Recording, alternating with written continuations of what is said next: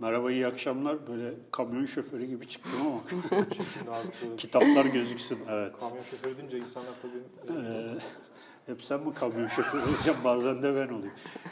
Ee, iyi akşamlar. 163. yayınımızda e, bugün yine birlikteyiz. Geçen hafta yayınımız olmadı.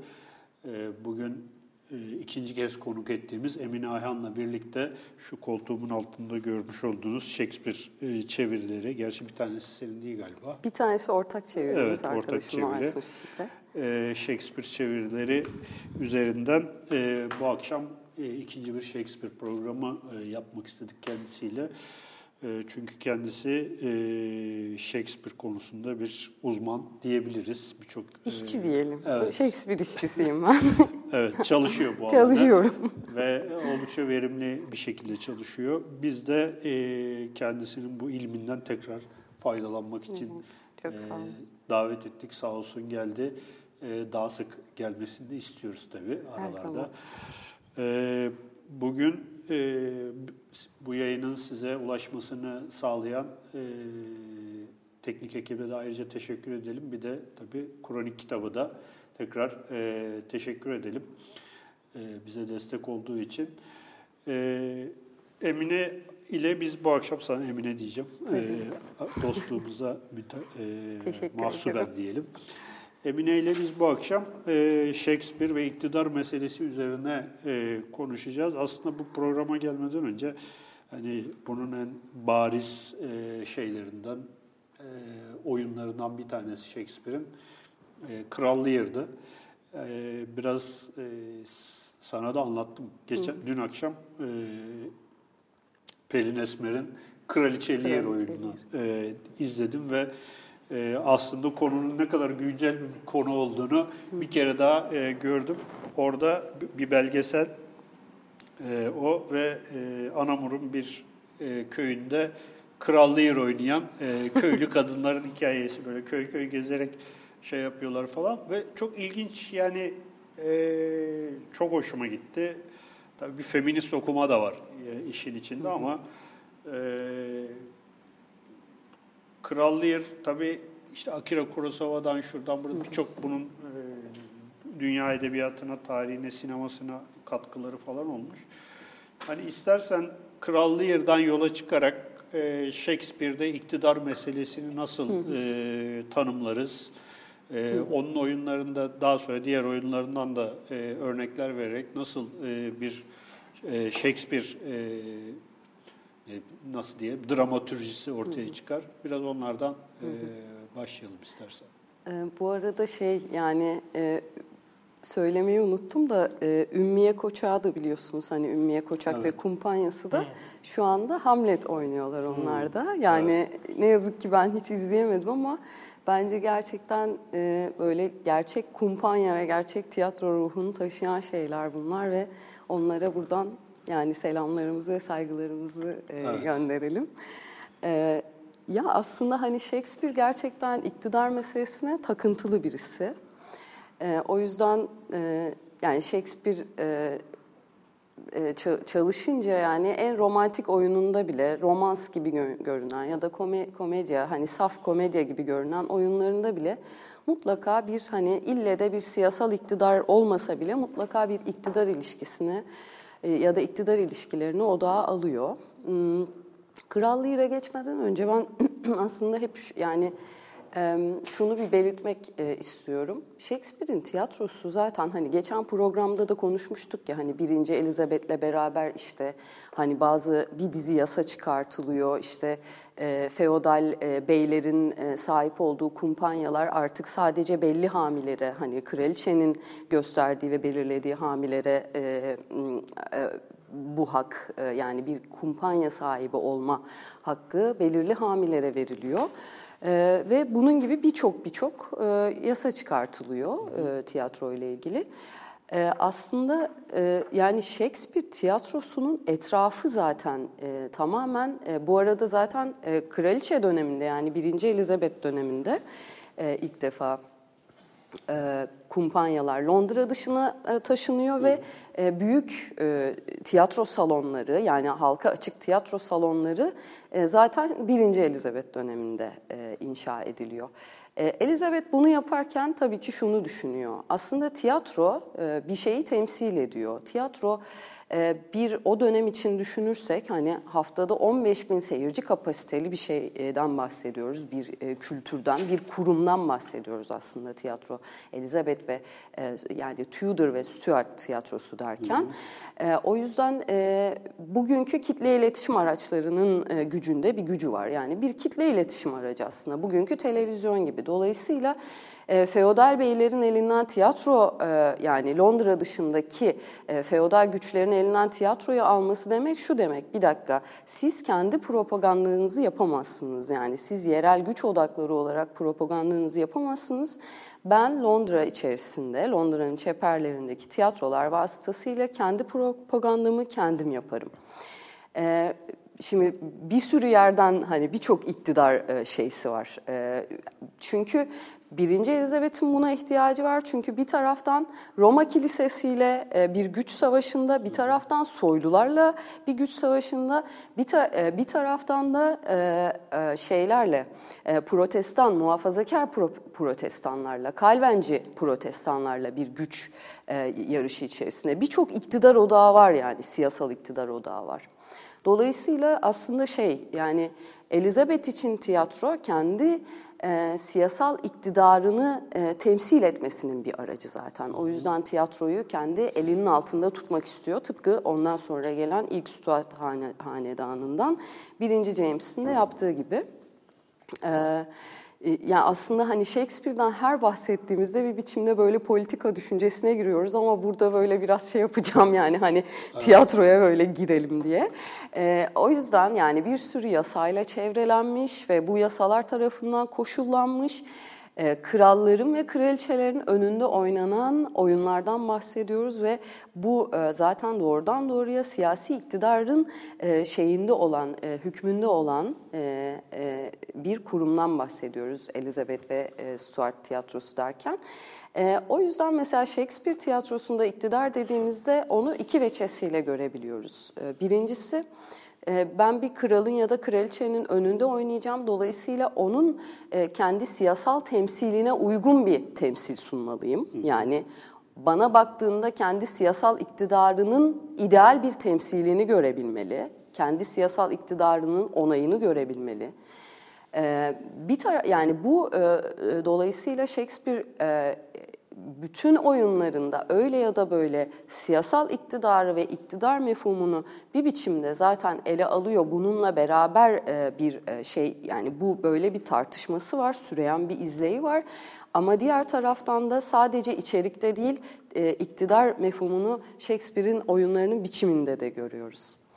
Evet. Mesela e, diyelim ki e, Shakespeare, Shakespeare bu açıdan bazen e, eleştiren e, eleştirmenler olabiliyor.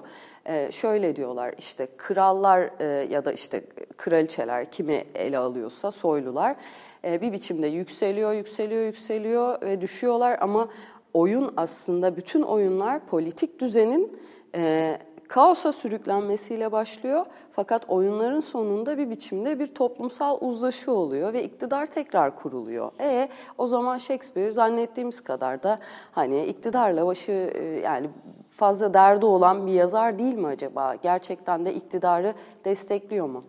Bu iki e, e, veçeden baktığımızda biçimsel olarak yani siyasal iktidarın Shakespeare tiyatrosu üzerindeki belirlenimine baktığımızda aslında onu olay örgüsünde görebiliyoruz. Yani görünür olan olay örgüsünde, karakterlerde görebiliyoruz. Fakat daha içeriden bir okuma yaptığımızda aslında bize asıl kendisinin yaptığı e, dönüşümlerle iktidarı nasıl anladığını daha e, net bir biçimde gösteriyor. Ee, Kral Lear'da mesela şey Ernst Kantorovic'den biraz bahsetmek gerekiyor. Gireyim mi oraya yoksa tabii, tabii. E, çok konuşmadan e, şey mi yapalım yani nasıl yapalım? Biz sizi dinlemeye geldik. Ee, Ernst Kantorovich 1950'lerin ortasında bir kitap yazıyor. Türkçe'ye de çevrildi. E, Kralın İki Bedeni. Ve yakında program evet. yapacaksınız. E, Kantorovic'in e, e, kitabının, çok kıymetli kitabının, çalışmasının ikinci bölümü e, bir ikinci Richard incelemesi mesela.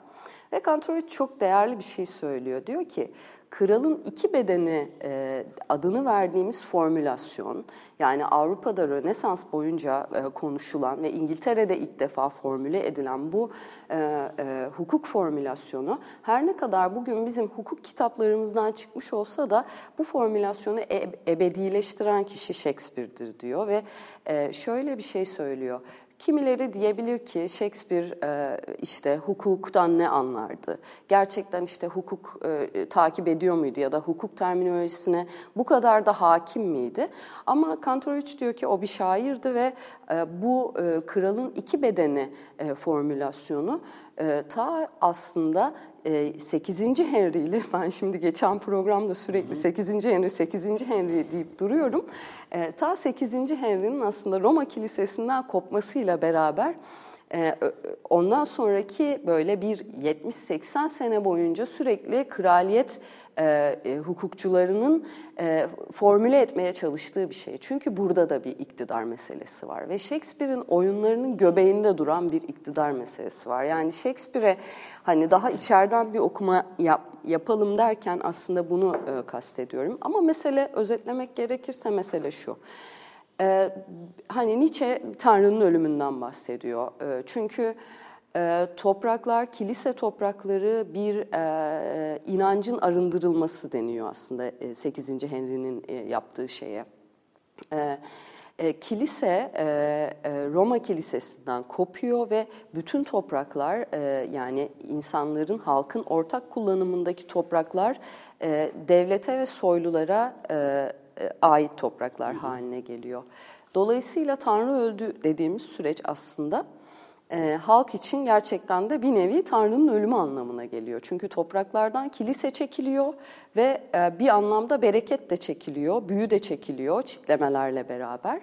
Ve e, Tanrı'dan kalan yani tırnak içinde Tanrı'dan kalan e, iktidara yani kilise çok ciddi bir siyasal iktidar e, merkezi çünkü onun öncesinde e, onun öncesini düşündüğümüzde orta çağda hı hı. E, krallar üzerinde hükümdarlar üzerinde çok ciddi bir şeysi var hükmü var.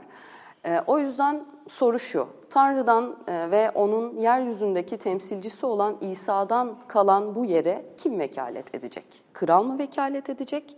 E, Katolik Kilisesi hala bunun için çalışmaya devam ediyor zaten. Katolik Kilisesi tekrar İngiltere için konuşuyorum. Tekrar orayı ele mi geçirecek yoksa 1580'lerden itibaren eşit oranda bir güç sahibi olmaya başlayan protestan muhafazakarlık mı? Yani kalvencilik mi burayı elde edecek? Yani üç tane güç odağı var.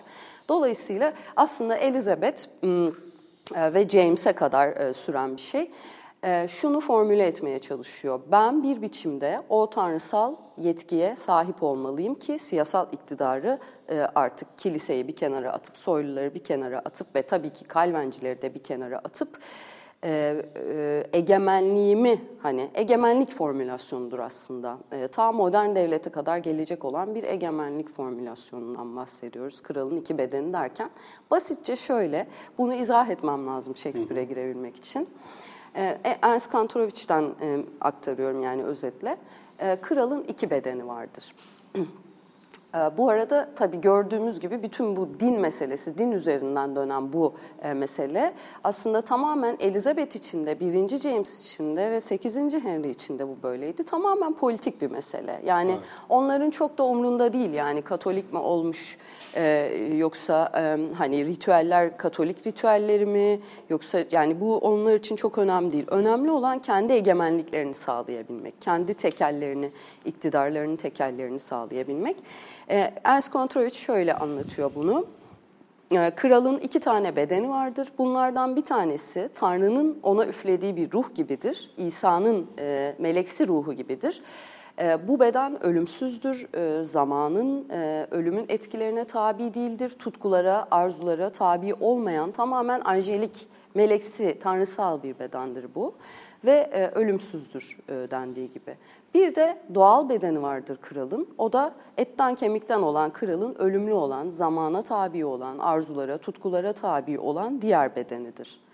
Ve e, krallar için e, öldükleri söylenmez. Krallar için intikal ettikleri söylenir e, yasada ve ritüellerde. Çünkü e, kral bir kralı kralın e, biyolojik bedeni öldüğünde politik beden başka bir biyolojik bedene intikal eder. Bu bir nakil işlemidir.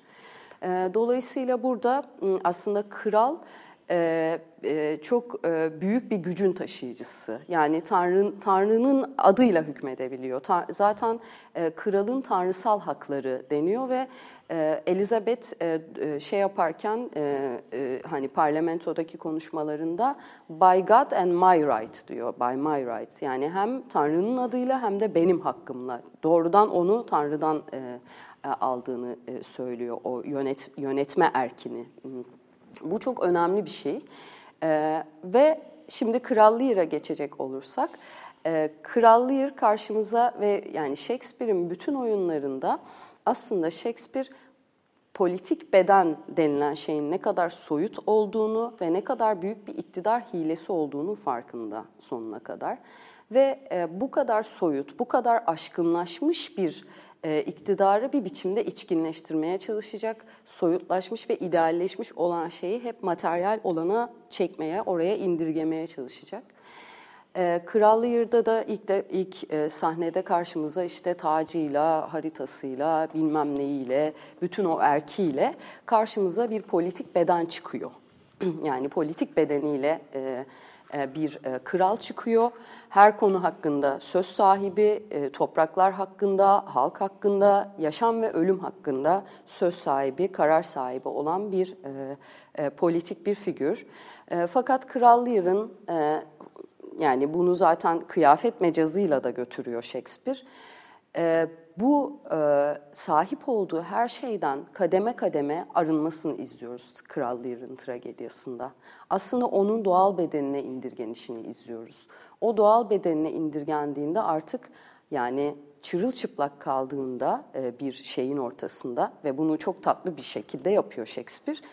E, kafasında bir taçla e, işte papatyalardan hı hı. yapılmış bir taçla çünkü orada biraz Dionysos'a selam çakıyor ve aslında tragedyanın Dionysosçu kökenlerine de selam çakıyor.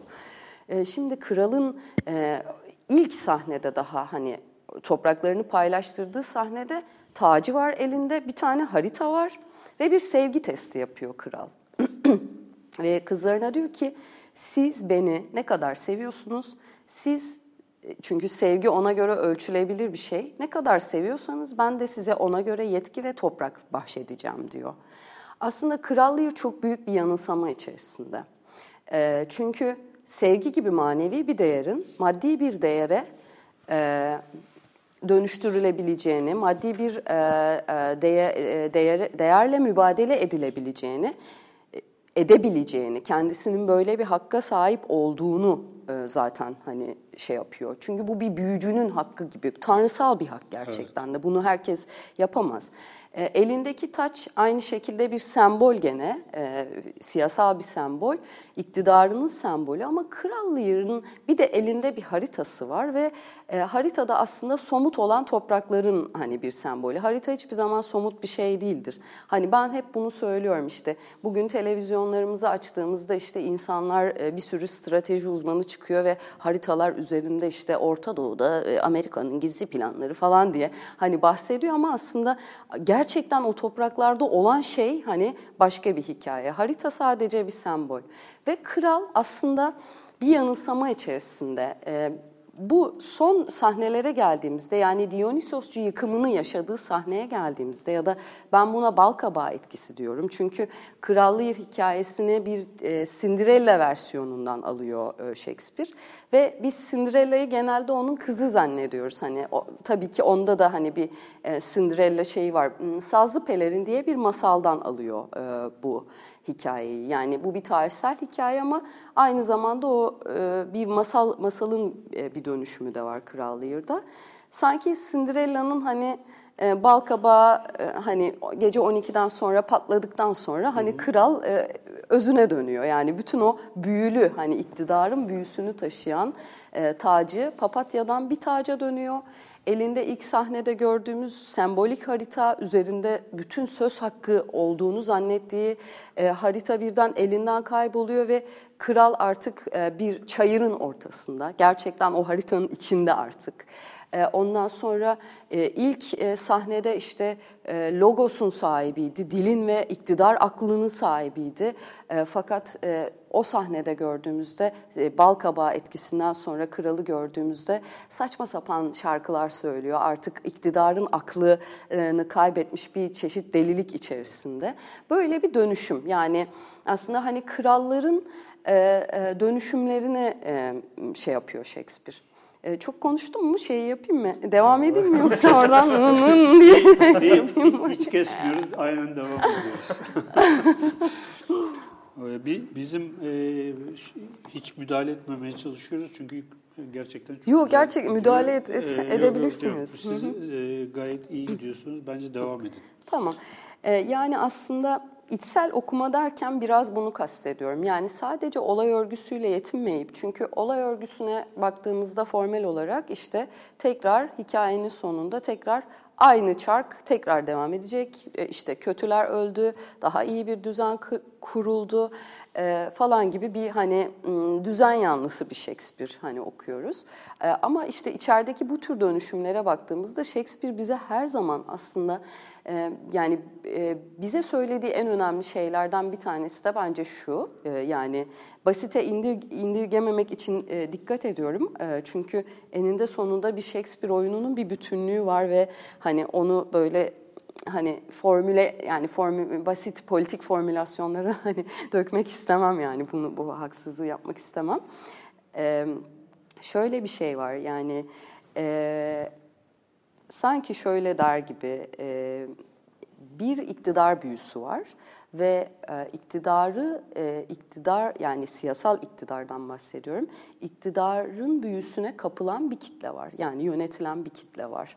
E, tamam onlar iktidarın büyüsüne kapılmış durumdalar ama e, ve bir biçimde iktidarın kurbanı oldukları oyunları izliyoruz. Yani tiranların kurbanı oluyor insanlar e, falan filan bunu izliyoruz. Ama diğer taraftan çok önemli bir şey daha var ki e, o iktidar büyüsünün taşıyıcısı olan kişi de aslında iktidarının somut bilgisine sahip değil. Yani o büyü onun üzerinde de işliyor ve onu da kurbanlaştırıyor aslında. Yani Canetti'den e, gitmek gerekirse iktidar sahibi olan kişi yani e, aslında bir e, krallığın içinde olduğu yanılsama şu. E, daha ilk sahnede söylüyor. Topraklarımı size bırakacağım, yetkilerimi size bırakacağım, devlet işlerini size bırakacağım. Ben sadece tacı ve payelerini tutacağım. Acaba gerçekten bütün bu yetkilerden, bütün bu şeylerden e, e, azade olan saf ve büyü gibi böyle e, bir iktidar var mı gerçekten? Yani politik beden dediğimiz şey gerçekten de çok soyut bir şey değil mi aslında e, e, gibi e, bir şey. Yani o yüzden e, ne yapacak? Hep kralları böyle atomlarına doğru ayıracak. O, onlardaki o bütün bütüncül e, görünen iktidar etkisini bir biçimde e, yani Dionizyak indirgeme ile Dionizyak e, materyalizasyon diyebiliriz belki onu tekrar toprağa doğru dağıtacak. Çünkü şöyle bir şey aslında o çokluk olmazsa zaten yani o e, potestas dediğimiz iktidar dediğimiz siyasal iktidar dediğimiz o gücü bir konsantrasyon olarak düşünürsek aslında o güç nereden geliyor? Doğal kaynaklardan geliyor ve halktan geliyor. Yani diğerlerinin potansiyasından, kudretinden geliyor. Onların bir toplaşması, onların aşırılaşmış bir hali aslında. Fakat e, birçok tiranın da yaptığı gibi aslında e, hep aynı hikayeyi izliyoruz ve tiranlar zannediyorlar ki o şey, o e, iktidar gerçekten aşağıdan ve çokluktan ve materyal olandan değil de kendi özlerinden geliyormuş gibi. Yani çok Tanrısal basit bir- bir Evet, hani yanılsama, çok insanca bir yanılsama aslında bir taraftan da. Tanrı'nın gölgesi olma gibi yani. Evet. Şu tarafına doğuda da bakarsak öyle bir durum var. Tabii. Veyahut da Tanrı'nın seçilmiş kul olma gibi. Ya burada tabii şeyi de ok- e, okumak lazım herhalde. Bir önceki programda e, Rus İmparatorluğun çöküş- çöküşünü konuşurken o dönemi anlamak için romana bakmak gerekir. O dönemin siyasi, iktisadi, e, sosyal vaziyetini görmek için romanın çok büyük fay- faydası olduğunu e, konuştuk. Burada da herhalde e, 16. yüzyıl için herhalde İngiltere'de roman ortaya çıkmadığı için daha e, yani daha böyle yeni yeni ortaya çıkan bir şey. Shakespeare'in oyunları yani bir siyasi metin olarak e, okunabilir. Yani bunu şunu şey yaparak rezervi tutarak söylüyorum. E, öncelikle bunların hepsi bir e, e, estetik edebi metinler. Yani mesela e, Don Quixote okurken e, çok büyük eğlenebiliyor, eğleniyorum. Ben çok eğleniyorum. Çok eğlenceli e, metinler ama bir taraftan da bir ikinci katmanda da bunun bir şey tarafı var. E, toplumsal yanı var. Yani o dönemin bir aynası. Shakespeare'de böyle düşünüyorum ben. İşte oyunları çok güzel. İşte gidip izliyorsunuz. Metin olarak da okunduğu zaman çok keyifli ama bir taraftan da ikinci katmanda, üçüncü katmanda da bir şey metni var. Bir siyasi metin ya da bir e, toplumun aynasını olan e,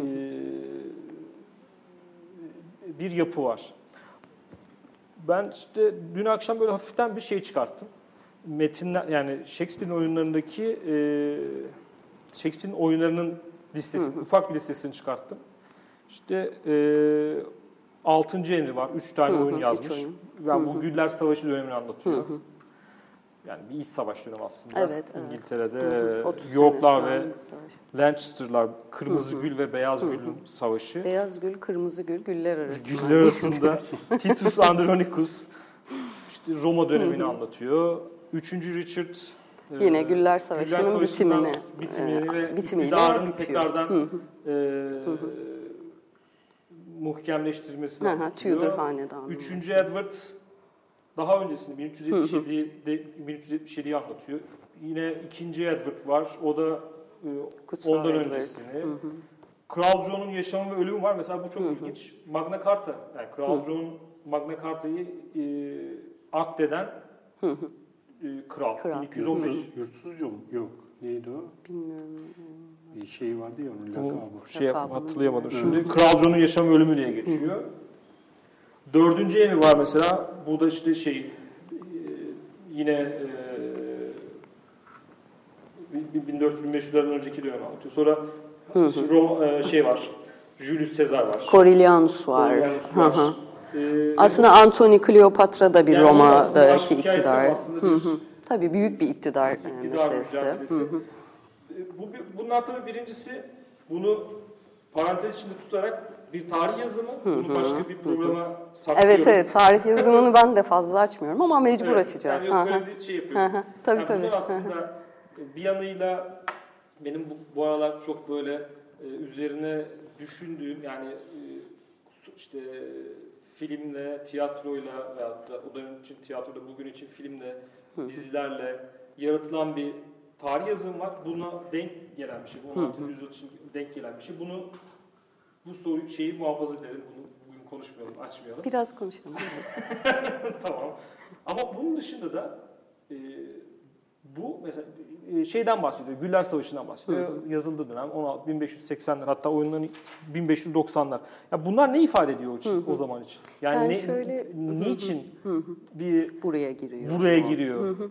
Şöyle bir şey var. İşte aslında tam söylemek istediğim çok iyi oldu yani bunu açman o zaman. Çünkü e, hani Shakespeare'in olay örgüsüne dışarıdan baktığımızda ve sadece bir metin olarak okuduğumuzda tarih bilmeden hani tarihe bakmadan okuduğumuzda çok bir şey söylemiyor gerçekten. E, aslında ne anlatıyor kısmı çok da önemli değil aslına bakarsanız. Çünkü hep benzer bir hikayeyi anlatıyor. Yükseliş düşüş, yükseliş düşüş. Yani bu aptal adamlar e, ve kadınlar iktidara geliyorlar ve e, oradan düşüyorlar. Tamam. Peki bunu nasıl anlatıyor? Yani bütün aslında Shakespeare'i bir şair yapan, her şeyden önce bir şair yapan şey bu. E, Şimdi 3. Richard meselesi biraz ilginç çünkü Güller Savaşı 30 30 yıl sürüyor İngiltere'de ve kaçıncı 6. Henry 6. Henry ile Richard'ın babası York düş, düş dükü e, arasında böyle bir şey oluyor. 6. Henry bir dönem kafayı yiyor e, ve York e, dükü Richard yani kötü olan 3. Richard'ın babası olan Richard şey yapıyor. Buna ne diyoruz? E, vek- vekalet ediyor. Kral vekili oluyor o kafayı yediği dönem içerisinde. Sonra Henry tekrar tahta çıkıyor. Fakat York'un bir kere hani iktidarı tatmış York. Lancaster hanedanıyla York hanedanı arasında süren 30 senelik bir bunlar bu arada Plangenet e, şeysi ailesi. Hepsinin şeyi aynı yani. E, geldiği aile aynı. Sonra e, 3. Richard'ın e, yükselişini okuyoruz biz e, şeyde 3. Richard oyununda biz okuyoruz. Elizabeth dönemindekiler izliyor. E, ondan sonra ve 3. Richard tahttan e, düştüğü anda Richmond geliyor. E, yani onu yenen kişi Richmond. Richmond kim? 7. Henry. Elizabeth'in e, dedesi. Ya bir sürü Henry var, Margaret var işte. Yani zaten Shakespeare'in oyunları bunlardan geçilmiyor. Henry'ler, Margaret'ler, Edward'lar yani biri ölüyor yerine hemen öbürü geliyor falan.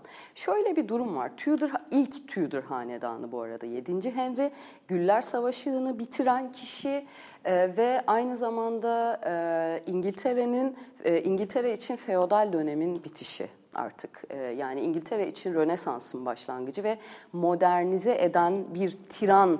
E, hani tamam kral meşru bir kral ama aynı zamanda da bir tiran yani 7. Henry. Bir tiran gibi yönetiyor. 8. Henry de öyle aslına bakarsanız. Yani reforme eden bir tiran modeli aslında e, yükseliyor. Çünkü artık yükselen bir burjuva sınıfı var ve e, soylular artık 7. Henry ile beraber yani Tudor hanedanlığı ile beraber sarayda dedikodu yapan artık işlevsiz yaratıklara dönüşüyorlar. Elizabeth de bu hikayeyi artık sonlandırıyor.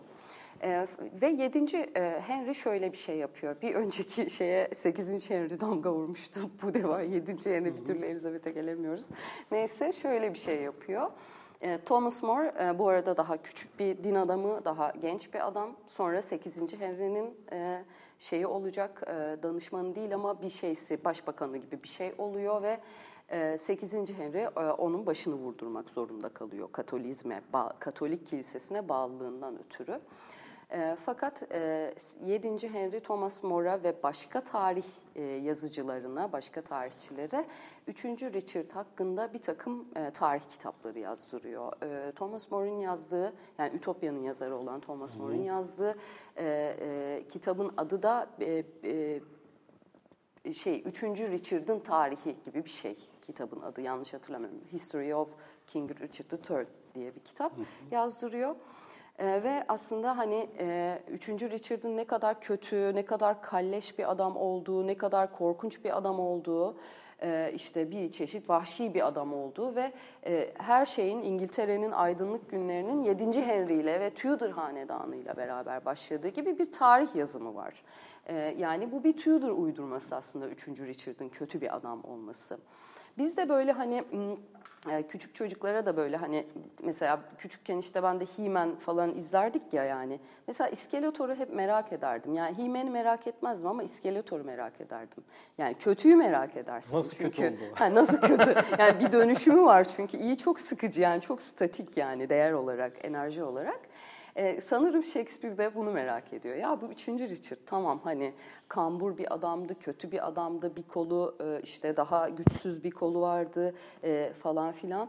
E, ama aslında nasıl bir adamdı? Tamam hani Tudor'lar onu böyle resmetti ama ben bu hikayeyi nasıl daha farklı anlatabilirim? Yani Ovidius, hani Ovidius etkisi. Refere idem aliter. Yani hikayeyi, aynı hikayeyi başka türlü anlatma, şiir geleneği aslında. Ee, e, ben nasıl anlatabilirim bu hikayeyi? Ve Elizabeth'in karşısında oynuyor tabii. Çünkü Elizabeth'in dedesini aslında e, şey yapıyor, göklere çıkartıyor yani bu oyun. Olay örgüsü düzeyinde yani bunu yapıyor. Ama tarihte kimse bugün 7. Henry'yi hatırlamıyor. 3. Richard'ı daha çok hatırlıyor herkes. Yani e, ve e, e, aslında hani e, 3. Richard'da anlatılan hikayeye baktığımızda 3. Richard saraydaki saraylıların, soyluların ne kadar iktidar tutkunu, ne kadar böyle birbirlerinin arkasından oyun çeviren tipler olduğunu farkında ve o, sözüm ona o değerlerden pek hoşlanmıyor ve hiçbir zaman zaten kimse onu kral yapmayacak o bedeniyle. Evet. O çarpık bedeniyle. Pek sevilmeyen de bir tip zaten. Annesi bile Richard'ı sevmiyor. Ee, Richard dişleriyle doğuyor biliyorsunuz. Yani Shakespeare'e göre Richard. Ee, ondan sonra neyse yani Richard'ı fazla girmeyelim ama e, sonuç itibariyle aslında ta, buradaki Tudor'ların tarih anlatısını tekrarlıyor gibi görünürken aslında bir taraftan da 3. Richard'ın etrafındaki karakterlere baktığımızda onların da hiç matah tipler olmadığını görüyoruz. Ve e, yani bunu hep belirtmeye çalışıyorum. Shakespeare'de aslında böyle yan karakterlere falan çok dikkat etmek gerekiyor. Biz hep böyle karak bir karakteri tek başına işte Hamlet'se Hamlet'e bakıyoruz. İşte King Lear'sa King Lear'a bakıyoruz ama mesela 3. Richard'ın etrafında şunu anlıyoruz ki 3. Richard'ın yükselişi diğerlerinin ortaklığı olmadan olmuyor. Yani tıpkı bugün yaşadığımız şey gibi, dünya çapında yaşadığımız e, tiranlığın yükselişinde olduğu gibi. Bazıları diyor ki mesela aman ben bu adamın işlediği cinayetlere bakmayayım, gözümü çevireyim. Hani e, bazıları diyor ki Aa, belki bu adamın işlediği cinayetler sayesinde ve onun iktidarı sayesinde belki ben de bir şeyler hani kapabilirim. E, bazıları diyor ki ben bu adama hizmet edeceğim ve bana da bir şeyler verecek. Yani herkes aslında bir biçimde o sivrilmekte olan iktidara çeşitli derecelerle, çeşitli yakınlık ve uzaklık derecelerinde duruyor. Ve Shakespeare'in e, iktidar e, iktidara bakarken ya yani iktidar fenomenine bakarken hep bunu ilişkiler üzerinden düşünüyor olması çok yani çok değerli geliyor bana yani tam da bu yüzden. Et, evet. Yan karakterler de var ve yan karakterler de bir şey yapıyor. Onlar olmadan bu düzenek işlemiyor ve aslında hani Elizabeth'e Elizabeth'e e, e, bir hikaye sunuyor ve onun e, kendisini görmek istediği aynada onu gösteriyor Elizabeth'e. Sen böyle böyle bir hanedanın hani şeysizsin, e, çocuğusun e, falan filan ve çok güçlüsün. E, ama diğer taraftan da aslında bize şu hikayeyi anlatıyor. 6. Ee, Henry ölüyor, yerine 7. Henry geliyor. O ölüyor, yerine 8. Henry geliyor. Margaret ölüyor, yerine Elizabeth geliyor. Elizabeth ölüyor, yerine e, Mary geliyor. Yani aslında hani bunlar da birer kukla. Yani bunların hepsi de birer kukla. Ortada bir düzenek var. Yani insanları köleleştiren ve insanları nesneleştiren bir düzenek var. Peki bu düzenek aslında nasıl işliyor? Yani Shakespeare sanki daha çok e, bu hareketlerle ilgileniyor. İktidarın e, yaptığı e, dönüşümlerle ilgilen, ilgileniyor. Yani aslında iktidara hani şey dedik ya, kralın iki bedeni dedik ya. Hani Hobbes, e, Hobbes e, işte 1651'de kitap basılıyor. Hobbes'un Leviathan kitabı ve Leviathan'ın kitabının e, bir kapağı var. Tam da aslında o da zaten Stuart'lara yaltaklanmak için yapıyor Hobbes ama umduğunu bulamıyor ne yazık ki. Bu arada Thomas More ile ilgili bir şey söylemek istiyorum. Hı hı. Thomas More Tudor'ları e, Tudor'lar için bir e, resmi tarih yazımı olan bu 3. Richard e, şeylerine katkıda bulunuyor bir e, tarih kitabıyla. E, Thomas More 8. E, Henry tarafından 1535'te başı e, vuruluyor ve kitabı yani Tudor'lara e, yaltaklanmak için e, yazdığı bu üçüncü Richard kitabı 1548'de çıkıyor. Yani öldükten sonra çıkıyor. Çok evet. ironik bir durum yani aslında. Hani e, demek istediğim şey yani Shakespeare'in konusu da aslında bir sürü iktidar hani ilişkileriyle çevrili. Hmm. Şimdi evet. bu e, Krallığı meselesini şey yaparken benim aklıma hep bu bizim Yavuz Sultan Selim'le Yıldırım şey e, ikinci Beyazıt arasındaki mevzular geldi. Aslında çok benzer dönemlerde benzer mevzular. Yani bir baba ölmeden oğlunun nasıl işte iktidara geldi. Beyazıt diye bir oyundan da faydalanıyor bu arada. Evet, evet. Tam ee, ikinci Beyazıt'la ilgili. e, tabii yani e, bütün bu e, Shakespeare'in işte bütün o dört tragediyası dediğimiz Hamlet, işte Macbeth, Otello ve Kral Lear'ın hepsinde aslında bir iktidar mevzusu var. Burada ilginç olan şey hani benim şaşırtan da bir yanı tabii bu. Hani şey diyorsunuz ya yani bu e, İngiliz tiyatrosu aynı zamanda iktidarın toplumu kontrol etmesinde bir e, mekanizmaydı ama oyunlar çok politik. Yani mesela hiç eğlencelik bir oyun değil yani bu. Şimdi hani ortalama bir insanın bu oyun karşısında hani ne tepki vereceğini de çok aslında belirsiz. Yani ya böyle böyle adamlar mı yönetiyormuş bizi işte bunların kızları da böyle miymiş gibi sonuçlar da çıkabilir. İnfial yani değil mi? İnfial yaratacak evet. metinler aslında. Yani orada mesela hani e, o nasıl açıklanıyor? Yani tamam hani İngiltere ila nihaya liberal bir ülkede değildi yani herkes birbirinin boğazını sıkıyordu yani Evet, işte evet. söylediğiniz gibi bu iç savaşlar döneminde. Yani bunun böyle bu açıklıkla şey yapılması, sergilenmesi, sahnelenmesi size ilginç gelmiyor mu? Yani şöyle aslında hani e, geçen programda da söylemiştim ya mesela en çok e, kendi gününe yaklaştığı oyun 3. Richard. O da işte 1595'te bitiyor. Yani e, ya- yanılıyor muyum? Hayır ne 1595'i? E, e, 1570'lerde bitiyor. Hayır hayır daha da 1590. önce. E, bir dakika şu e, neyse aklımdan hmm, Pa- e, 1470'ler pardon. Yani bir 1470'ler 1400 tabii. işte 150 yıl. Evet, Yaşadığı evet, dönem Güller, e, Savaşı. Güller Savaşı, Yani 1470. tam aslında şey kendisi kendi yaşadığı dönemden 100-110 sene önceki bir e, şeyi anlatıyor. Shakespeare gününe en çok bu kadar yaklaşabiliyor. Yasa bu kadar yaklaşmasına izin veriyor. Üçüncü Richard'ı e, kötülemese zaten onu bir hani hain olarak göstermese görünüş itibariyle zaten bu oyunu oynama şansı yok. O yüzden Roma'ya gitmesi lazım, Venedik'e gitmesi lazım. Hiç olmayan yerlere falan gitmesi lazım ya da Henry'lere falan kadar uzanması lazım. Ya Orta Çağ e, İngiltere'sine gidecek falan. E, ha şöyle bir şey. Bu oyunlar e, aynı zamanda çok komik oyunlar. Yani e, şey yani bunu biz böyle saf bir tragedya gibi okuyoruz ve çok acıklı sahneleri var gerçekten ama diğer taraftan da yani Kral Lear'ın patlaması, Kral Lear'ın deliliğini insanlar gerçekten gülerek izliyor ve oyunların içinde çok ciddi müstehcen unsurlar da var. Yani hani halk tiyatrosu sonuç itibariyle popüler bir tiyatro. Mesela 3. Richard'la ilgili Stephen Greenblatt çok güzel bir anekdot anlatıyor, e, aktarıyor. E, bir e, şey avukat, e, avukatlık, e, hukuk öğrencisinin e, şeyinde, günlüğünde e, böyle bir e, anekdot e, oradan Greenblatt aktarıyor. E, Üçüncü Richard oyunu e, oynanırken e, Richard Bur- Burbage oynuyor. E, sonradan işte Blackfriars tiyatrosunu Shakespeare'le ve başka ortaklarla beraber kapalı bir tiyatro kuracaklar. Richard Burbage o dönem Londra'nın en önemli aktörlerinden bir tanesi. İşte Romeo'yu oynuyor, Hamlet'i oynadığı söyleniyor falan filan ve 3. Richard'ı da oynuyor.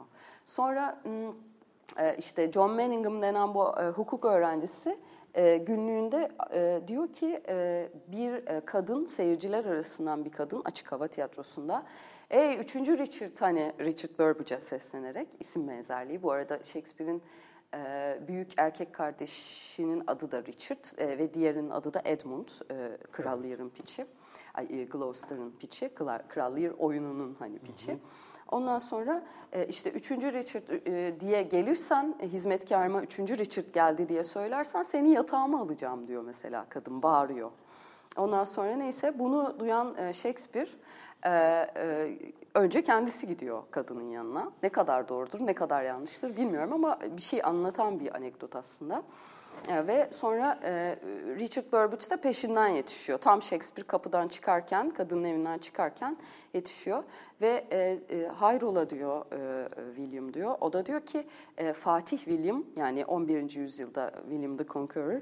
e, Fatih William 3. Richard'dan önce gelir diyor. Yani biz buradan aslında şunu anlıyoruz. Yani tiyatro böyle bir ortam. Yani Püritenler boşuna tiyatroyu sürekli kapattırmaya çalışmıyorlar. Yani hak verdiğim için söylemiyorum ama yani çok ciddi bir erotik enerji var. Yani burada e, şöyle bir erotik enerji. Aslında bizim iktidara bakarken kapıldığımıza çok benzeyen bir erotik enerji. Yani mesela 3. Richard'ı e, çünkü şöyle bir şey var. Yani Birinci Elizabeth'in ajanları tiyatronun içindeler. Zaten hani sarayda oynarken zaten yanlış asla bir şey yapamazsın ama yasalara aykırı bir şey yapamazsın ama ajanlar sürekli geziyor ve hani ajanlar sayesinde aslında oyunlar hakkında anekdotlara ulaşabiliyoruz falan filan. Yani devletin istihbarat aygıtı sayesinde biz hani kültür birikimimizi de Nasıl, şey yapabiliyoruz nasıl oynanmış, yani. nasıl görünmüş. Yani şöyle bir şey var yani e, sürekli sana bakan bir iktidar var. Gözü sürekli senin üstünde ve sana baktığında kendinin uygun ideal e, bir yansımasını, bir temsilini görmek istiyor. Ama diğer taraftan Shakespeare de iktidara bakıyor ve yani gerçekten bir çeşit iktidar pornografisi gibi artık yani o kadar derinlemesine bakıyor ki yani biz herhangi bir tirana baktığımızda mesela ee, aynı 3. Richard'ı sahnede izlerkenki gibi bir cezbeye kapılıyoruz. Yani ondan tiksinsek bile, onun ne kadar büyük bir yalancı olduğunu söylesek bile, e, ondan ne kadar nefret edersek edelim, o bizimle sürekli bir mesafe oyunu oynuyor. Yani iktidar alanına alıyor bizi bir biçimde ve e, sanki Shakespeare aynı zamanda bu oyunun içerisine seyirciyi de katıyor. Çünkü seyirci aynı zamanda yurttaş pozisyonunda. Yani tiyatronun temsil düzeneğiyle politikanın temsil düzeneği arasındaki benzerlik sadece mecazi bir benzerlikten ibaret değil. E, üçüncü Richard gibi birisine yani üçüncü Richard gibi e, beş para etmez bir hain e, aslında yani yıkmak istediği düzenin tam da parçası olan yani eninde sonunda o da iktidar istiyor. Çünkü hiç de hani bizde yıkıcılığıyla bir şey uyandırıyor hani bir çekicilik bir cazibe uyandırıyor. Biz ona çekiliyoruz. Ama e, televizyona baktığımızda da ya bu adam ne saçmalayacak bakayım bugün diye izlerken de benzer bir cazibe var. Yani bir sahne var ve bir etki e, bir etki var. Ve sanki Shakespeare şey gibi e, de yani 3. Richard'ı bize bu kadar e, bir taraftan tuhaf bir hayranlıkla gerçekten ilginç bir oyun o anlamda yani. Böyle bir hem bir cezbedicilikle hem tiksintiyle karışık bir cezbedicilikle sürekli bizi iterek ve çekerek bizimle bir oyun oynuyor. İktidar yani siyasal iktidarın bizimle oynadığı oyuna çok benziyor. Kedinin fareyle oynadığı oyuna çok benziyor. Yani bir biçimde diyor ki siz bu adama bakıyorsunuz ve onda bir şey buluyorsunuz. Bu ne? İşte bu da aslında hani Kral ya da 3. Richard'ın kurbanı olduğu iktidar maskesinin bize görünen tarafı. Yani ortada bir şey var. E, bir büyülü bir maske var. Shakespeare'de e, bir dakika ben e, şey mi oldu? Yok. Vakitimiz var değil mi daha? Yok yok. Neyse. Shakespeare'de aslında mesela şeyde Fırtına oyununda, Fırtına oyununda bu defa karşımıza ne çıkacak? Bir büyücü çıkacak. Hani Prospero, bir dük, hı hı. yerinden tahtından edilmiş bir dük ama terk edilmiş bir adaya gitmiş ama oranın da büyücüsü olmuş. Yani iktidar aynı zamanda Shakespeare'de bir büyünün terimleriyle karşımıza çıkıyor. Çünkü iktidarı taşıyan kişi e, ama tabii ki şu farkla başkaları üzerinde bir büyü etkisine sahip sabah kalk teröristsin, sabah kalk böceksin. Seni her şeye dönüştürebilir yani. Hani seni suçluya dönüştürebilir. Bu bir büyü yetkisi gibi bir şey yani. Hani e, anlatabiliyorum değil mi? Yani bu e, Prospero'ya yani e, fırtınaya geldiğimizde iktidarı büyü olarak görüyoruz. Kral Lear'a e, geldiğimizde iktidarı bir delilik olarak görüyoruz. Bir delirium olarak görüyoruz. Kral Lear'ın çıldırması zaten onun iktidarının içeriğinde olan bir şey. İktidar zaten Shakespeare'e göre iktidar sahipliği bir çıldırma biçimi. Çünkü bu bir yabancılaşma biçimi aynı zamanda. Ona inananlar için de. Mesela fırtınada çok güzel bir şey var. Bu sadece iktidar sahipleri için değil, iktidara iktidar iktidar tutkusuna sahip olan e, mikro karakterler de var mesela Shakespeare'de. E, diyelim ki işte e, şey e, e, fırtınada gene e, efendi köle diye düşünüyoruz Prospero'yu ve Caliban'ı. Fakat Caliban e, Milan'dan gelen e, diğer arkadaşlarla karşılaştığı zaman onlarla beraber içiyor, sarhoş oluyor ve Prospero'nun iktidarını ele geçirme planları yapıyor mesela. Yani kölede de var iktidar istenci. Çünkü bu bir ilişki. Zaten Platon'un dediği gibi yani Platon'a kadar uzanıyoruz aslında burada. E, tiran ruhlu olan kişi e, dünyanın en mutsuz insanıdır. Çünkü kendi arzuları ve kendi tutkuları üzerinde denetimi olmayan bir insan, e, bu zavallı insan, bu insanların en mutsuzu, en kölesidir. Çünkü kendi tutkularına köledir. Bu kişinin, bu figürün başına gelen en kötü şey bir de kendini yönetemezken başkalarını yönetecek erke ulaşmış olmasıdır. Yani bu zavallı birisidir, güçsüz birisidir aslında. Yani iktidar yani Sözümüz meclisten dışarı tabii bu arada. Ya tabii canım yani yani sonuçta burada Shakespeare'den bahsediyoruz.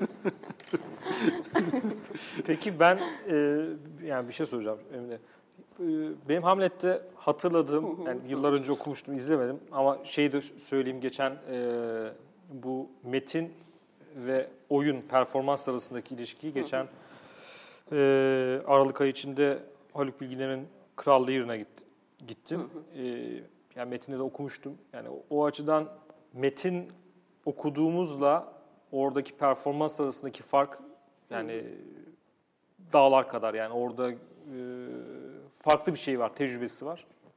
Bunu aslında not düşerek söylüyorum.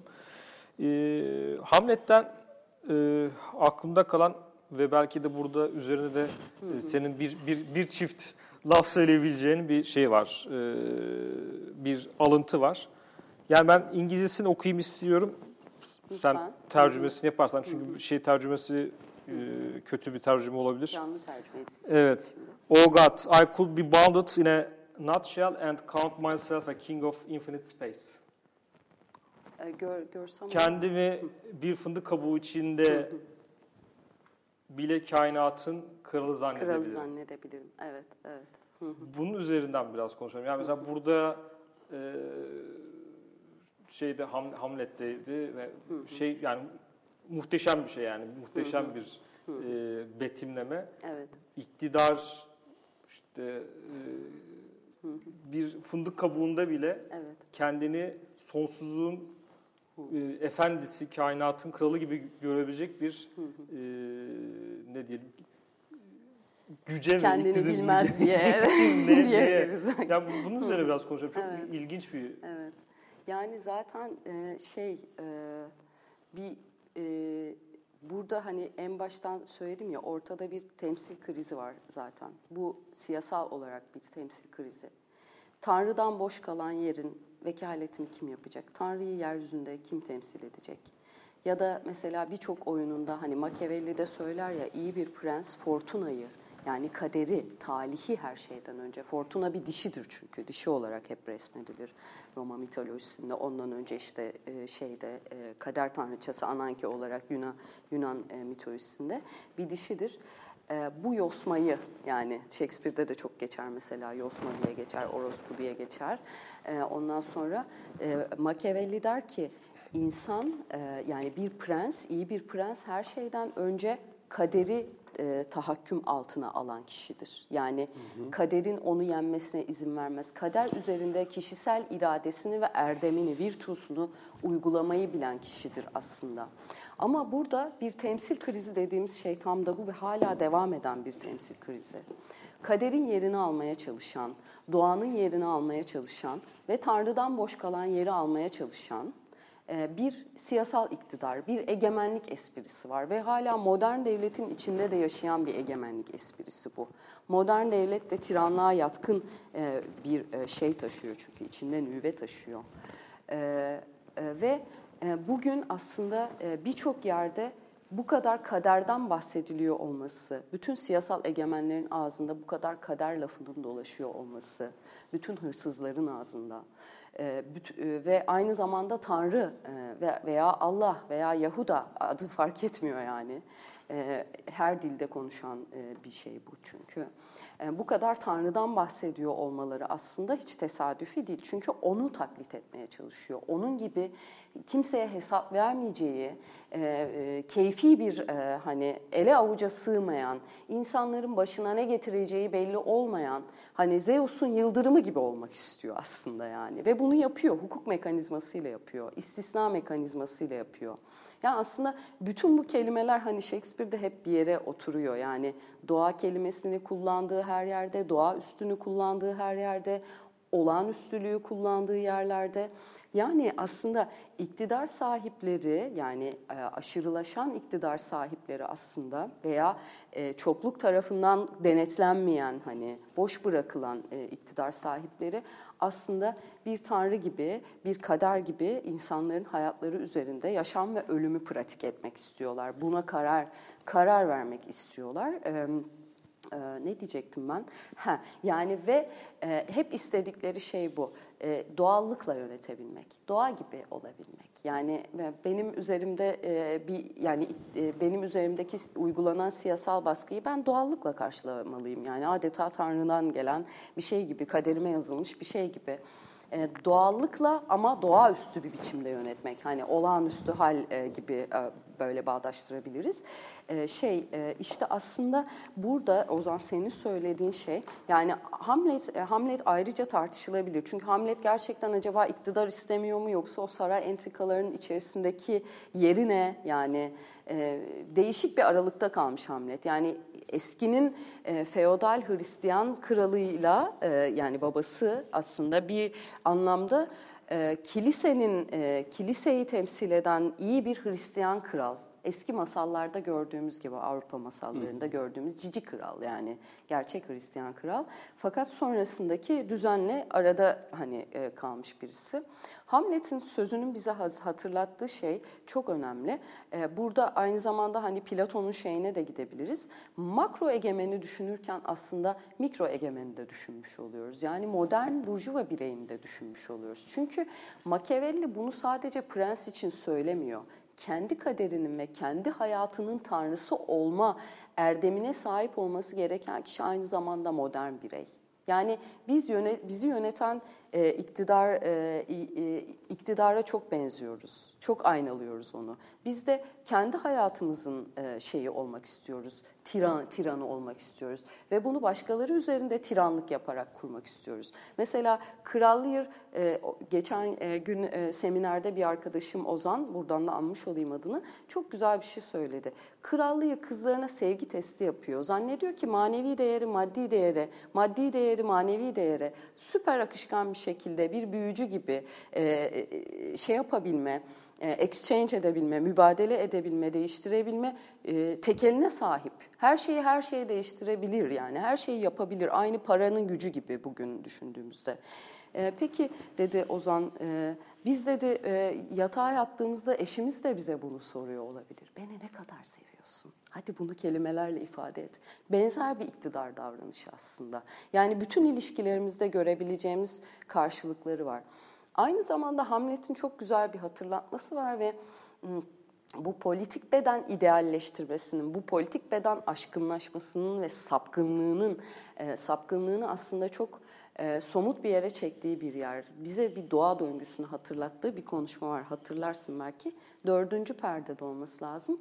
E, dördüncü perdede e, babasının katili olan amcasıyla beraber oturuyorlar ve Hamlet birden işte deli saçmaları hani yöntemli deliliğe başlıyor işte. Yöntemli ve delice laflar ediyor. E, diyor ki işte krallar e, e şöyle bir akıl yürütme e, e, yapıyor. Diyor ki e, işte krallar ölürler, hani mealen söylüyorum, kısaltarak söylüyorum. Krallar ölürler e, ve toprakta onları solucanlar yer. Sonra bir tane balıkçı gelir ve e, e, balıkçı solucanı e, oltaya takar e, ve onu e, onunla balık tutar. O yemi bir balık yer, yani o solucanı bir balık yer. O balığı da ola ki bir dilenci yer mesela. Ha demek ki krallar dilencilerin bağırsaklarında hani dolaşabilir. yani bizi hemen şeye attı. Yani oradaki o soyutluktan, oradaki o aşkınlıktan doğanın döngüsüne attı. Shakespeare bunu hep yapıyor. Yani genel olarak yapıyor. Ee, e, ve aslında hani doğal bedenin her zaman bir çürüme şeyi içerisinde olduğunu, bir döngü içinde olduğunu e, her zaman e, e, bir biçimde e, şey yapıyor yani e, işte hatırlatıyor. Öyle, hatırlatıyor. Evet. Evet. Başka soracağım bir şey var, var mı? Emine senin... E, çok şey vardı. Neyse. E, çok şey varsa en azından bir kısmını alabiliriz. Devam edelim. Edelim değil mi? E, edelim, Hı-hı. evet.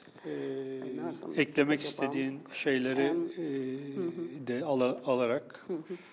Yani aslında şunu e, söylemek istiyorum. Bir e, yani Shakespeare'in burada ne yaptığı çok önemli. Yani e, e, iktidarı bir uyku durumu olarak. Mesela hı hı. Prospero fırtınada gene mesela arkadaşları uyutuyor Prospero. Geliyor ve uyutuyor. Yani ama onlar zaten iktidarı iktidarın düşünü kurarken yani burada siyasal iktidar kastediyorum tabii ki.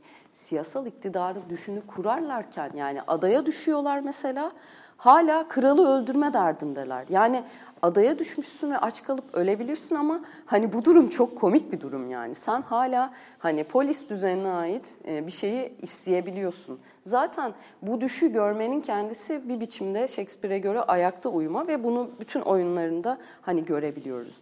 E, diğer e, taraftan işte bir körlük olarak burada olduğu hı hı. gibi. Mesela Gloucester e, karakterine yakından baktığımızda aslında çok masummuş gibi. Hani Shakespeare'de zaten iyi ya da saf iyi ya da saf kötü diye bir karakter bulmak mümkün değil. E, ahlak dışı e, bir yazar çünkü. E, mesela Gloucester'a baktığımızda böyle Gloucester e, kralına her durumda koşulsuz itaat edebilecek birisi. Kentten birazcık daha farklı o anlamda. Yani kent doğruyu söyleme şey erdemine de sahip. Ama Gloucester'ınki tamamen kendi e, kendi yani kendi korumak adına yapılan bir ita, itaat ve zaten çok şey birisi bir karakter. E, duyarsız bir karakter ve evet. o duyarsızlık bir çeşit körlük gibi. Ve Shakespeare onu oyunda gerçek bir körlüğe dönüştürüyor. Bir şey, iki şey daha söylemek istiyorum. Minor karakterlere biraz Shakespeare'de dikkat etmek gerekiyor. Mesela Kral Lear'da sanırım üçüncü perdede Gloucester'ın gözleri kör edilirken orada ses çıkartan tek bir kişi var, bir hizmetçi var. Yani ölümü göze alıyor e, ve e, şey yapıyor. Çünkü bu minor karakterleri Shakespeare şey yapamazdı, majör karakterlere dönüştüremezdi. Böyle bir tiyatro, e, böyle bir temsil ola, olanağı yoktu. Mesela Kış Masalı'nda e, Polixenes e, e, eşini öldürüyor, Paulina'yı öldürüyor ve e, Paulina'yı e, şey yaparken, e, öldürürken buna karşı koyan tek kişi var. Evdeki hizmetçi kadın. Yani evet. tek kişi var. Ondan sonra bunun birçok örneği var e, yani Shakespeare'de. Hmm. Yazmıştım ama minor karakterler. Ha, üçüncü Richard'da mesela bir tane katip var. Hani e, her şeyin farkında olan bir katip var. Yani Shakespeare'de biraz Shakespeare'e biraz hani içsel okuma derken bunu kastediyorum aslında. İçsel okuma yapmak lazım. Çünkü hani burada bir perspektif oyunu var. Yani majör karakterlerin arasında gizli olan minor karakterler de var ve çok hoş bir şey var onunla ilgili. Biz onun oyununa ne kadar e, minor bir yerden bakarsak o da bizimle oradan konuşuyor. Ve e, yaptığı en önemli şeylerden bir tanesi de biraz önce Ovidius'tan hani Ovidius etkisinden bahsetmiştim. Sürekli dönüşümlere bakıyor ve bunlardan en önemlisi de işte tarihsel anlatıdaki dönüşümler. Neyi anlattığı değil, nasıl anlattığına e, bakmak gerekiyor e, mümkünse. Horatius'un çok güzel bir e, sözü var. Hani Marx da bunu Komünist Manifesto'da alıyor. Diyor ki mutato nomine dete fabula narratur. Sadece adı değiştir. Anlatılan senin hikayen olduğunu göreceksin. Yani 3. Richard aynı zamanda biziz. Kral Lear'da olan şeyler bizde de var. Daha gündelik bir biçimde. Beni seviyor musun sorusu belki o kadar masum bir soru olmayabilir. Başka arzular gizli olabilir o sorunun içinde. Bunun için ille bir kral olmamıza gerek yok. Ya da hani politik e, iktidar ile daha aşağıdaki toplumsal iktidar arasında bir metabolizmik bir döngü var. Hani o aynı bedenin içindeyiz çünkü eninde sonunda ve aynı gıdalarla besleniyoruz ve bu gıda aynı şekilde e, o döngüye dahil oluyor. Seviyeler farklı sadece yani. Evet, dereceler farklı aslında sadece. Ee, bir de e, e, ondan da sonra bahsedelim. Gene Horatius'tan bahsedecektim ama neyse ondan da sonra ıı, şey yapalım. Vaktimiz e, şey yapıyor diye. Önemli olan e, bence burada çok önemli bir şey var Shakespeare'in yaptığı şey. E, bunun aynı aynı hareketi Franz Kafka'da da yakalıyoruz. E, sana bakan, seni kendi bakışı, kendi değerleri altında senin üzerinde dönüşüm yetkisi, tekeli kuran bir siyasal iktidara biraz da dikkatli bakabilmek. Yani biz belki onu yıkma gücüne sahip olmayabiliriz ya da yıktığımızda değerler değişmedikçe yine de aynı şey e, hani bir döngü halinde bütün bu oyunlarda izlediğimiz gibi tekrar ediyor olabilir. Ama seni ayakta uyutan şey, seni kendi ağzına hipnotize olmuş gibi böyle baktığımız şey, her akşam haberlerde gördüğümüz şey, bizi sarhoş eden, bizi kendimizden alıkoyan e, bu şeye biraz daha dikkatli bakabilmek, gözlerimizi daha iyi açarak bakabilmek, yani bakış üstünlüğü kurabilmek, bakış üstünlüğünü yeniden ele geçirmek, estetik üstünlüğü yeniden ele geçirmek. Bu ille bir politik üstünlük olarak hemen e, sonuç almak hani buna belki hemen bunu yapamayız ya da Shakespeare belki bununla ilgilenmiyor ama e, duyularımızı e, ve m, hani Spinoza'ya atfedilen bir ayrım var. E, karşımızda bir potestas e, var ise eğer bir siyasal iktidar var ise Ee, biz kendi kudretimizi toplamalıyız. Yani duyularımızın kudretini toplamalıyız. Tıpkı aslında şairin yaptığı gibi. Hikayeyi yeniden anlatma hakkımızı belki kullanmalıyız ee, gibi. Böyle. Çok teşekkür ediyoruz. Ben teşekkür yavaş ederim. yavaş e, bitirelim. Yine çok Ee, yine sizi ikinci, Konuşacaktım üçü- üçüncü, dördüncü kez çağırdığımızda e, bu konulara nasılsa De- yemek de veriyorsunuz. Gelirim yani. Yemek, yemek yemeyi seven insanları daha çok seviyoruz. ee, Emine Ayhan'a bugün e, bize e, katıldığı ve eşlik ettiği için çok Ben teşekkür, teşekkür ediyoruz. E, çok güzel bir sohbet oldu. E, kendi tut- tutkularının esiri olmuş e, tiranlara Allah kolaylık tirancıklara. versin diye. Ne diyeyim, acıyoruz onlara ancak. E, bu iktidar ve e, e, Shakespeare meselesi üzerinden gene Shakespeare ve Shakespeare tiyatrosunu konuşmaya devam edeceğiz e, Evet, ileriki evet, dönemlerde. Çünkü bu konu aslında son derece e, evrensel e, ve güncel bir konu. E, ve Shakespeare de bu yüzden yüzyıllardır sürekli tartışılan e, bir Ekmeği bitmez yani. Ek- Evet, buradan çok, evet, evet. buradan çok ekmek Çok yeriz çok, Şey yani. çok, çok gibi. çöp şişiyoruz buradan. Ya bir dalından bir dalını kopa, kopartırsınız bazı bitkilerin toprağa ekersiniz böyle hemen Patlar. e, patlar ya. Yani Evet. tam öyle. Yani çok daha- bereketli, Daha fazla çok çöp bereketli. Dehanın bereketi yani bu. Evet. Bizi izlediğiniz için hepinize çok teşekkür ediyoruz. Ee, Önümüzdeki hafta- önümüzdeki hafta 164. yayında 164. yayında Nazmi Ağıl gelecek. Beowulf konuşacağız ya. Daha Aa evet. İngiliz edebiyatı konuşacağız. dersleri yapıyoruz. bence de artık adını değiştirin programın bence İngiliz Beowulf yap- edebi. Yani fazla şey yaptık. Bazen böyle çok Osmanlı, çok Doğu e, Doğu tarihi üzerine falan yapıyoruz. Biraz bu aralar e, Batı üzerine konuşuyoruz ve e, aslında çok bakir alanlar. Evet. Kimsenin konuşmadığı yerler. O yüzden de verimli. Biraz böyle E, gideceğiz. emeklerinize sağlık. Ozan ne derse odur. ee, bizi izlediğiniz için hepinize teşekkür ediyoruz. Bu yayının size ulaşmasında bize e, yukarıda reji masasında bu saate kadar bekleyen arkadaşımıza Sağ da olsunlar. ismi neydi? Ali- Bar- Barış. Barış, Barış arkadaşımıza da teşekkür ediyoruz. Ayrıca e, bize destek olan kronik yayınlarına da ve Emine Hanım'a da teşekkür ediyoruz. Ben teşekkür Hepinize iyi ediyorum. akşamlar diliyoruz. İyi akşamlar.